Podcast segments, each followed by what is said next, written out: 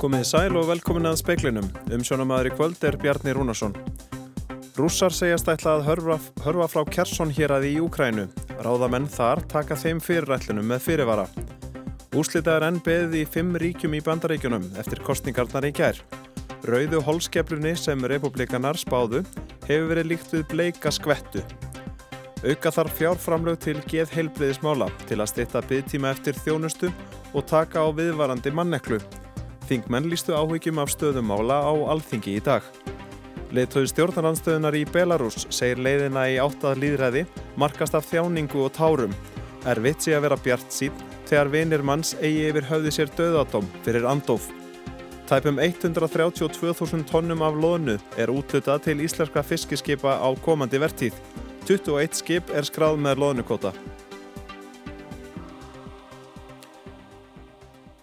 Rússar ætla að hörfa frá Kersonborg í austurhluta Úkrænu og flytja þaðan allt herlið sitt. Þetta kom fram á bladamannafundi varnamálar á þeirra Rúslands og herfóringja þeirra á svæðinu í dag.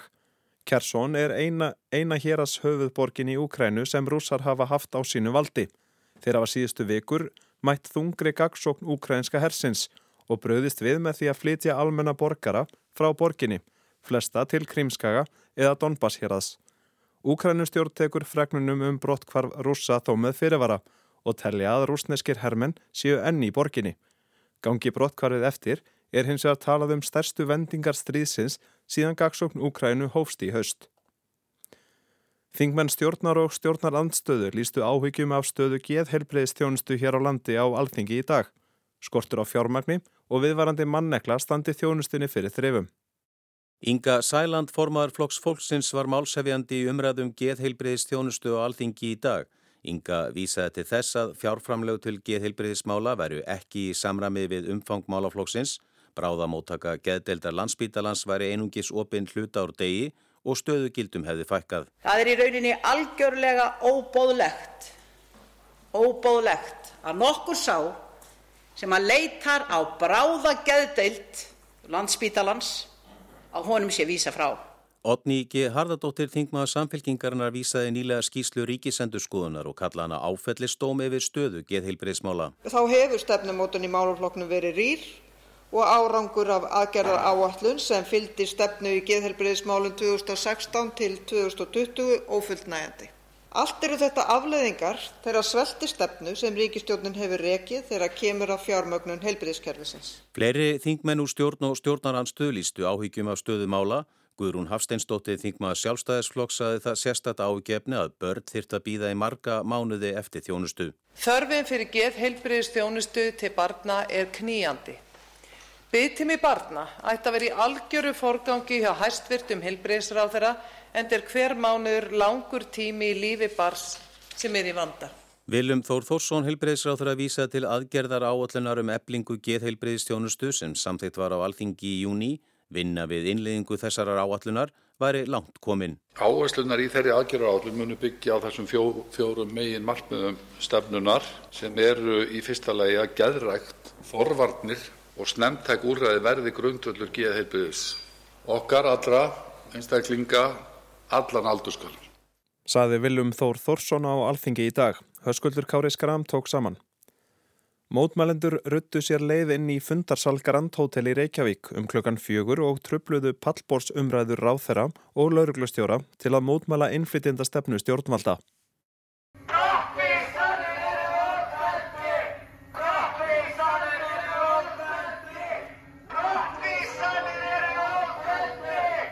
Málþingið fjallaði um ofbeldi í víðum skilningi og til að ræða þau mál í pallborði voru saman komin meðal annars Katrín Jakobsdóttir, fósatisráþara, Jón Gunnarsson, dómsmálaráþara og Sigriði Björg Guðjónsdóttir, ríkislauruglustjóri. Að endingu komu lauruglumenn á svæðið og vísuðu fólkinni úr salnum.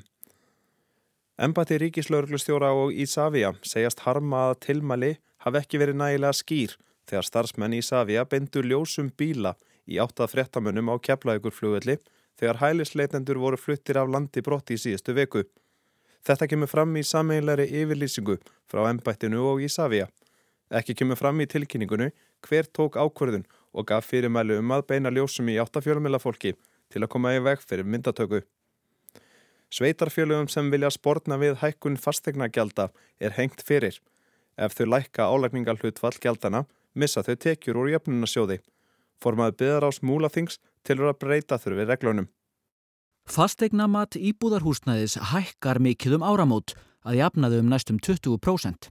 Þetta þýðir að óbreyttu að fastegna gjöld hækka einnig en þau taka með af fastegna mati.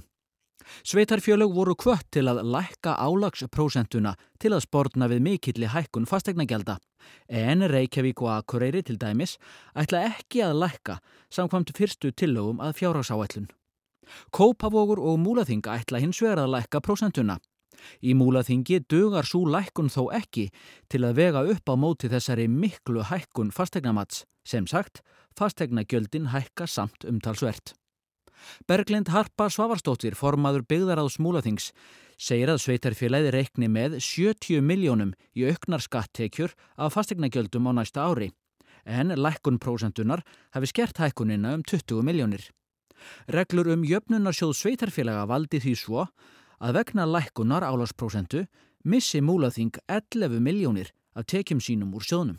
Þannig að okkur er í rauninni hengt fyrir þetta en þetta er sama aðfrafræðinu massland sem að verður bara að fara að vinna með og, og langfara. Ég verð ekki slæmt að í rauninu sé að letja sveitafjölög til þess að komi veg fyrir stór hækkun fastegna gelda? Jú, jú, það er bara okkur þannig og við viljum endilega að skapast rými hjá okkur að, að geta lækkað skatta, það er ekki spurning en, en þarna er okkur hengt beint fyrir það, þannig að maður er nú ekki fylgjandi svona aðdrafræði en það heyrist manni nú bara á flestum að, að það sé hugur hjá sambandinu að vinna í þessum áherslum. Saði Berglind Harpa Svavastóttir, Rúnarsnær Reynisson talaði við hana. Svetlana Tsíkanovskaja, leittói stjórnarandstöðunar í Belarus, segir að líðræðisríki heimsins verði að sína klærtnar og storka innræðisherrum eins og hægt er. Tsíkanovskaja er stött hér á landi. Tsíkanovskaja var ákaft fagnað í hörpu í dag þar sem hún helt ræðu á heimstingi í kvenleðtóa. Hún fekk sérstakka viðkenningu á þinginu fyrir andofsitt gegn valdstjórninni í heimalandinu. Tsíkanovskaja segir að Belarus þurfi aðstóð landaheimsins í andofunu gegn Alexander Lukashenko innræðisherra. Þegar innræðisherrar séu annars vegar þýði ekkert að reyna að semja í áttað umbótum. Líðræðisríki heimsins verði því að láta fyrir sér finna. Tsíkanovskaja sagði að leiðin til líðræðis í heimalandinu væri mörkuð af þjáningu og tárum. Hundruð þúsunda pólitískara anstæðinga sætu í fangelsum Belarus, kvenkins mótmælendum væri nöðgað og einhverjir andósmanna ætti yfir höfði sér dauðadóm fyrir það eitt að bjóða innræðisherranum byrgin. And it's hard to stay optimistic when you have to explain to your kids that their daddy is sentenced to 18 years of prison just because he challenged the dictator. Tsíkanóskæja sagði þarna að það væri erfitt að halda í bjart sínuna þegar maður þarf að útskýra fyrir börnum sínum að fadir þeirra afplánun og átjánur á fangilsistóm fyrir að storka valdstjórninni. Otur Þorðarsson sagði frá og nánar um þetta í kvöldfréttum sjónvarps. Íslensk loðnuskip fá útlutað tæpum 132.000 tonnum af loðnu á komandi vetrarvertíð. Ríflega 60% kvótans fara til tveggja sveitarfélaga. Skip Ísfélags Vestmanneja fá mesta loðnukvotan. Samkvæmt yfirliti fiskistofu er 21 íslensk fiskiskip skráð með aflaheimildir í loðnu á vertiðinni. Ísfélagið er þar efst en fjögur uppsjáaskip fyrirtækisins er að skráð með loðnukvota. Vinslustöðin fær loðnukvota fyrir þrjú skip og samtals fá þessi tvö fyrirtæki í Vestmannegjum útluta tæpum 43.000 tónnum á loðnu. Hjá síldarvinnslunni í Neskjöpstað eru þrjú skip skráð með lónukvota. Eski á Eskifyrði far heimildi fyrir tvö skip og lónuvinnslan á Fáskursfyrði gerir út eitt lónuskip.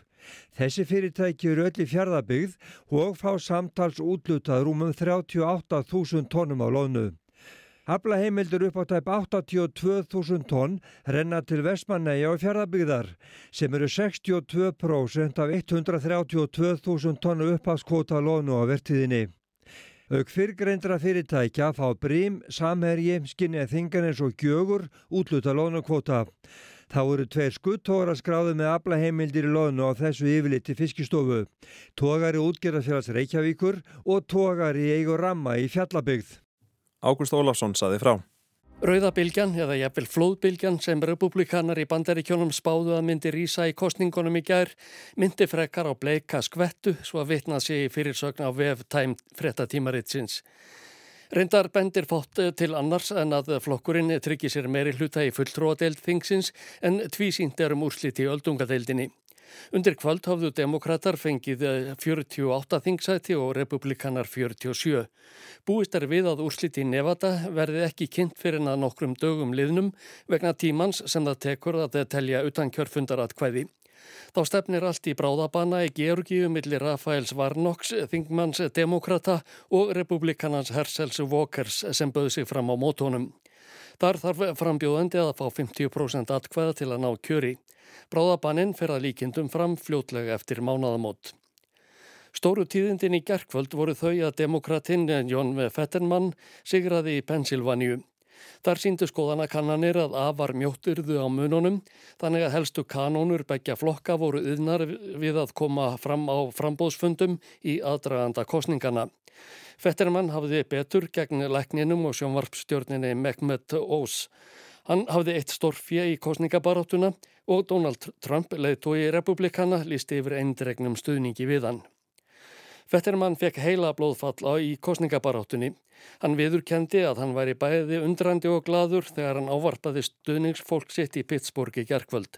Hann lofaði að berjast fyrir réttindum hvenna til að velja, til að hækka lagstu laun og að styrkja heilbriðis þjónustuna sem hann sagði að herði til grundvallar mannréttinda. Það er henni að þakka að ég er á lífi og hún á að vera til staðar þegar þið þurfið á henni að halda. Berjumst gegn gróða higgju stórfyrirtækja.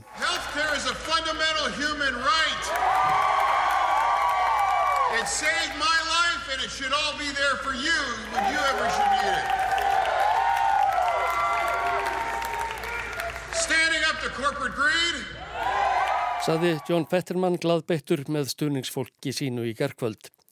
Flórida telst tæpast lengur til svo nefndra óvissuríkja eftir að Ron DeSantis ríkistjóri gjör sigraði andstæðingsinn demokratan Charlie Crist í ríkistjórakostningunum í gær. Svo mjótt var á munum þegar DeSantis tryggði sér ennbættið fyrir fjórum árum að telja þurfti atkvæðin þrisvart til að fá endanlega nýðurstöðu. Hann sagði í þakkaræðu sinni að Flóritabúar hefðu staðið frammi fyrir margvíslegum erfiðleikum síðustu ár en ákveðið að velja staðreindir frekar en ótta og lög og reglu í stað uppþóts og óerða. Meira hefur áunnust en nokkur þorðið að vona fyrir fjórum árum, sagði DeSantis. Það er margt enn óunnið og ég er rétt byrjaður að berjast. We've accomplished more than anybody thought possible four years ago, but we've got so much more to do, and I have only begun to fight. Fyrir kostningarnar var talið að Ron DeSantis kynni að gefa kost á sér sem forsetta efni republikana tveimur árum liðnum ef hann næði góðum árangri í ríkistjórakostningunum.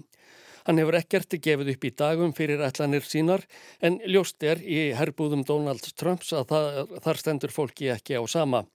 Það vakti aðtikli þegar tvær konur úr lagmannsteimi Donald Trumps sem jáframt tjá sig um pólitísk málefni á sjónvarpstöðinni The Right Side Broadcasting Network. Það eru þær Alína Habba og Kristína Bobb rættu um Ron DeSantis á kostningafundi Vandalia í Ohio um orðróm um að hann ætlaði að gefa kost á sér í fórsetaframbúðið. DeSantis is DeSantis because of Trump. That's exactly so right. I can't speak to that because I'm not the I think I like what DeSantis is doing in Florida, but he needs to stay in Florida. Það er Trump að þakka að DeSantis er DeSantis, saði Elina Happa í sjómarpviðtalinu. Mér finnst það fínt að sem DeSantis er að gera í Flórida en hann á að halda sig þar. Kristína Bobb samsýndi þessu og bætti við að DeSantis ætti góða möguleika í næstu fórsetakostningum og eftir, það er 2028. Donald Trump hefur nokkrum sinnum tilkynnt að stóra tíðinda sé að vænta frá honum um að forsetta frambóð. Yfirlýsingunni hefur nokkrum sinnum verið frestað en Jason Miller, fyrirverandi ráðgjafi Trumps og góður vinur, sagði í viðtali við BBC í dag að enginn vafi leki á að hann ætlaði að bjóða sig fram. I'm 100% confident that President Trump will announce that he's running for 2024. Miller bætti við að hann hefði ráðlagt Trump að býða með að tilkynna frambóðið þar til úrslitt í þingosningunum í Georgíu lægu fyrir í næsta mánuði. Merkir atbyrður urðu víðar í kostningunum í gæri en í Pennsylvania og Florida. Í Massachusetts var demokratin Maura Healey kjörin ríkistjóri fyrst hvenna. Hún verður jáfnframt fyrsta samkynnegaða konan sem gegnir ríkistjóra ennbætti í bandaríkjónum eftir því sem næst verður komist. Rífandi stemning var á kostningavöku Móri Híli í Boston í gerkvöld.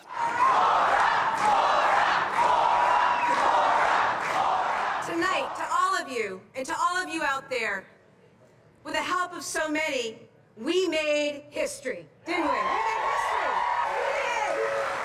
I stand before you tonight proud to be the first woman and the first gay person ever elected governor of Massachusetts.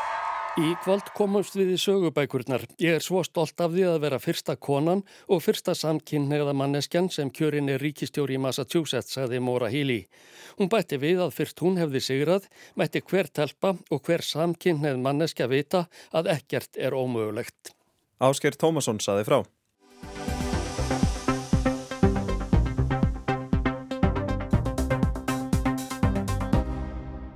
Þingkostningar í bandaríkanum voru æsi spennandi og margt sem kom nokkuð á óvart. Ekki er vona á endalegri niðurstöðu strax en úsliti í öldugadildinni eru svo gott sem ráðinn en þó getur ennþá ímislegt gerst. En ef svo frer sem horfir þá verður sætum í öldugadeildinni skeimt jamt, aftur og þá myndi Kamala Harris, varafórsiti, hafa åtta atkvæði. En þessar kostningar eru merkilegar fyrir margra hluta sakir. Silja bara Ómarsdóttir, professor í stjórnmálafræði og Hafstein Einarsson, dósent við stjórnmálafræði deild Háskóla Íslands. Erum velkomin í speilin. Þið heldu erindi í háskólanum í háttegin í dag þar sem farið var yfir eftirleik kostningana, polariseringu og réttmæti skoðanakarana í aðdraðanda kostningana. Við komum kannski að skoðanakarunum á eftir en ef við byrjum bara aðeins á því hvernig þessar niðurstöðu sem þó eru komnar núna, hvernig það kom okkur fyrir sjónir, hver eru svona stóru og ef til vil óvæntu tíðindin í þessum kostningum því eins og sagt var hér í pislinum á undan að þar er fyrirsögn á Time Magazine sem saði að, að rauða bylgjan eða flóðbylgjan sem republikanar í bandarækjunum spáðu að myndi rýsa í kostningunum að hún myndi frekar á bleika skvettu. Hver eru svona óvendu tíðindin í þessu stilja bara ég byrja þér?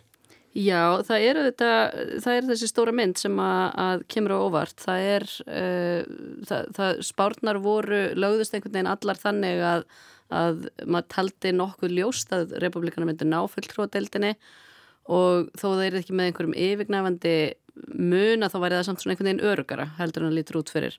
Um, en uh, hérna það kannski er, uh, það, það eru kannski svona stöku útkomur sem að vekja aðtegli eins og, og Pennsylvania um, það eru af skautunin er kannski líka svolítið svona ábyrrandi það er mjög afgerandi kostning annars vegar ríkistjórun í Pennsylvania og demokratamegin uh, og hins vegar mjög afgerandi kostning ríkistjórun í Florida republikanamegin uh, hérna Uh, já þannig að það er svona hérna, hversu ólík þessi ríki eru í raun og veru sem að byrtist í þessum útkomum. Að það er, uh, þetta er ekki eitt samheldið uh, land, ein, ein samheldin þjóð þetta eru ofbóðslega ólíkar skoðanir með ólíka fulltrúa sem að, að er að taka ákvarðanir fyrir þá mm -hmm. Hvað finnst þér Hafstedt? Hver eru stóra tíðindin í þessum kostningum? Já, demokrata hljóta að vera óskaplega ánaðir með hvernig niðurstöðnar uh, er að koma upp úr gjörkvarsunum. Hann er ekki alveg búið að telja enn en ég segi svo Silja, ég átti ekki vona á að uh, hér væri við daginn eftir og enn væri ekki ráðinn niðurstöðan í í dildinni. Þannig að þetta, já, veit og gott fyrir bætin og hans stjórn ef, að, ef hann getur mögulega náð einhverju gegnum þingið á næstu tveimur árum sem að var svona, við vorum eiginlega fann að búast við að það er þið bara allt í lás næstu tjóð ári. Mm -hmm. En akkur rýsa ekki þessi rauða bylgja sem að Donald Trump og fleiri voru að tala um að, að myndi rýsa? Það er, þú nefndi nú kannski líkilættir þarna, Donald Trump, hann eh, hérna, stutti frambjöðundur til eh, öldungadölda frambóðs og ríkistjóra viða sem reynlega eru ekki að standa sig eh, sérlega vel. Hafa komið með óvinnsælar skoðanir, auðvitað tekið undir eða svona allavega ekki andmælt málflutningi eins varðandi hérna, að uh, eitthvað uh, hafi verið að kostningunum síðast og hitt aðriði sem að lítur að vega þungt er að í sumar þá fældi hæstiréttur bandaríkjana dómum að hérna, réttur til meðgöngur ás væri ekki gildi á landsvísu og þetta hefur verið gríðarlega óvinnsæl ákvörðin og það má svona telja nokkuð líklegt að ef þessi dómur hefði ekki fallið þá væri við að sjá fram á það sem að kostningarspotnar gerður að fyrir að republikanar væri mögurugan meirulita. En haldið að það einmitt í þessum þungunarsmálum, haldið að það verði eitthvað stefnubreitinga eða breytingar í þeim málum í kjölfar þessara kostninga? Það voru náttúrulega á sko, kjörsalunum í fimm ríkjum voru uh, atkvæðagreislur um þungunarof þar segja að staðfesta eða, eða banna, staðfesta réttin eða, eða að banna hérna, réttin til þungunarofs og í öllum ríkjum þar sem að þetta var til uh, hérna, var, var, þar sem var verið að taka ákvarðinur um þetta að þá var þessi réttur staðfestur og það var líka í ríkjum þar sem að, að uh, stjórnmálumenn eru ans, ansnúnir þessum réttindum. Þannig að þetta minnir svolítið á hérna uh, þegar Kansas setti uh, hjónabænt samkynhæðra á kjörseðilinn 2004 minnum ég að þá var það leið til þess að fyrir republikana til þess að virkja sína kjósundur þess að draga þá á kjörstað og ég held að republikanar hafi vannmetið núna í einhverjum ríkjum uh, hitan og þungan sem að þetta hefur, þetta mál hefur fyrir kjósundur demokrata að, hérna, að ég held að þetta hafi ekki dugað til að virkja republikana eins og það gerði til að virkja uh, demokrata í uh, sumum ríkjónum og þá hefur það svona ákveðin vikslverkandi áhrif á, á uh, aðrar atkvæðagreislur vegna þess að þetta er eitt kjörseðil sem að, að fólk er að kjósa á. Og þannig að það sleppir því þá ekki að kjósa sem að myndi kannski gera annars ef það væri ekki eitthvað svona hitamál í hérna í, í umræðinni. Mm -hmm. Þið rættuð um skoðanakannanir á erindi ykkar í háskólanum í hátteginu og þú sérstaklega hafsteinn og réttmæti þeirra að það var nokkuð olga eftir þessi þungunarófsmál í sumar, það fór fylgið á flakk. Hvernig gekk að spá fyrir um úslutin? Já, það var nokkuð gott fyrir mig að ég var fann að hafa mikla ráðgjör að síðan nú síðustu skipti sem að Trump hefur verið á kjörseðlunum þá hafa kannanir vannmetið fylgi hans og annara republikana velulega en í þetta skipti þá var það fylgi demokrata sem var vannmyndið. Þetta er allt mjög eðlilegt að við, við gerum alveg ráð fyrir að það geti verið smá munur á milli kannana og kostningóðslita. Þannig ég er svona, það er allavega þarf aðeins að fresta jarðaför hérna, skoðanakannana í bandarískum stjórnmálum og þýðir bara að vonandi með góðir aðferðarfræði þá er hægt að ná uh, réttmæntu mælingum á þessu fylgi. Mm -hmm. Þú komst það að sinna á það að skoðanakannir að þær eru orðnar dýrari núna heldur en það voru. Akkur er það? Það er einfallega orðið bara mjög erfitt að ná í fólk. Fólk er með númerabyrta og hérna, blokkar er ákveðin símanúmer. Það er svona tæknilega hliðin á þessu en hinvandin náttúrulega í bandaríkjunum er að uh, samfélagslið tröst er uh, á undanhaldi.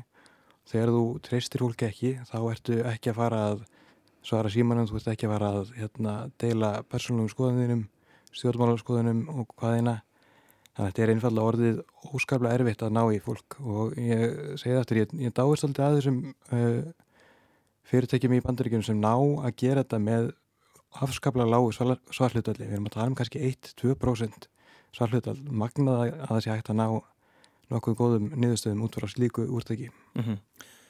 En hvað segir þess, þessi úslitt, sem er þó ekki alveg orðin ljós, hvað segir þetta um stöðu Joe Biden fórseta?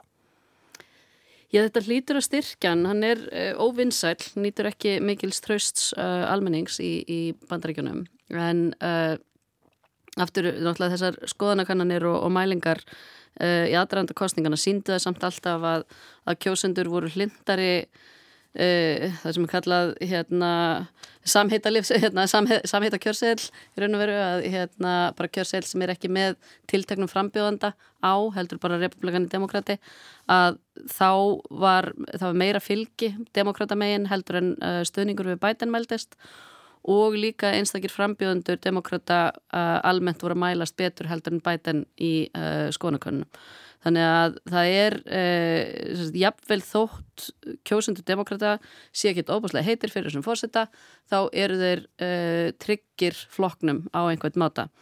Eh, hvort að bætin getur þar leðandi stært sig af þessum, uh, útko þessari útkomu þá það, það er kannski svona uh, smá vafatriði en ég held að muni einhver síður gera það. Að, að þetta verður og, og margir svona voru að tala um það sem að, að eða ekki margir að spá fyrir um þessar, út, þessa útkomu en, en þau sem voru að því uh, svona benda á að þetta væri mögulega einn besta útkoma sitjandi fórseta á síðustu árum uh, í þessum hérna milli uh, kjörþjómbilskostningum og að þetta hlýtur að styrkja að bæta henn til uh, hérna sérst, inn í, í næstu kostningar. Hann hefur vissulega ekki gefið það út að hann ætli frambóð. Hann hefur sagt að, að það sé ásetningur hans að, að fara í frambóðinu, svona vandar sem mjög mikið við að segja ekki berum orðum ég er í frambóði það er líka auðvitað virkjar alls konar hérna, mekanisma sem að, að það er þá að fylgja en, uh, en þetta gerir það erfiðara fyrir mögulega áskorendur að stíga fram og það eru auðvitað líka er ekki mikil hefð fyrir því að, að skora á sitjandi fórsita. Mm -hmm. Hvað heldur þú aðstöð? Heldur að hann higgi á frambóð? Já, Ég ætla að segja, ég, ég var í hans spórum að vera að nálgast áttarætt, þá myndi ég nú bara hugsa um að hætta, en, en já, ég, ég hallast nú frekar að því að hann uh, bjóði sér fram aftur. Um, hugsa að, að hann lennir blóðu til skildunar að hann telji sig vera sá eini eh, sem getur unnið Donald Trump fari hann fram aftur. Og já, hann hlýtur að vera afskapla ánaðin með þessa niðurstöðu, uh, eins og Silja bara sagði, þá er það hefðað í fyrstu kostningum eftir að fórsett í kjörinn það tapar flokkur hans gríðarlega miklu fylgi. Obama tapaði 60 þingmunum, eh, Trump 40, Biden er hérna að tapa örfáum þingmunum og þó hann hafi verið veiku fyrir þá er þetta sterkniðist að fyrir hann. Mm -hmm. Hann nýtur þessu auðvitað að yfirleitt er fráfærandi fórseti bara horfin á sjónasviðinu mm -hmm. en Donald Trump lúrir hérna yfir og hérna er alltaf í fréttur og það hefur auðvitað ekki góð áhrif fyrir frambjöndur republikana. Mm -hmm. Bandarækjumennur er strax fættin að horfa til fórsöldakostingar sem er eftir tvö ár.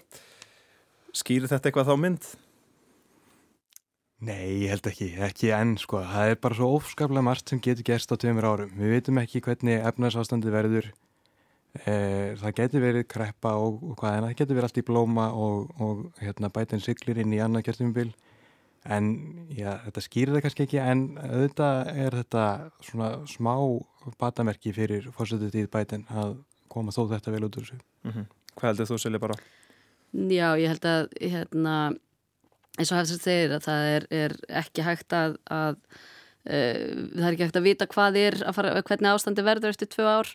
Uh, bæði Trump og Biden eru náttúrulega fullornir uh, hérna, Biden er 79 ára á þess ári sko, þannig að, að, að ári verður hann áttræður og hérna Eh, það er ekkit sjálfgefið að þeir bara hreinlega verða á lífi sko, þannig ég held að maður verður bara hreinlega að taka það inn í, í myndina líka. Mm. er, uh, og síðan eru margir auðvitað sem eru tilbúinir til þess að stiga fram og keppa um uh, þetta ennbætti. Þannig að kom, komni fram svona áskorendur eins og á, á, á Donald Trump Já. er hans stað alveg trygg innan republikanaflokksins? Nei og kannski sérstaklega ekki eftir, hann, hann hefur auðvitað eitthvað alveg gríðalegt personafylgi sem að ég held að sé uh, ekki gott að vannmeta republikana megin og það segja það, hvernig honum getur gengið í forvali en, uh, en, en áskorendur eru til staðar og þeir hérna, eins og DeSantis geta náð góðum árangri líka. Sjáum hvað setur, þetta er spennandi.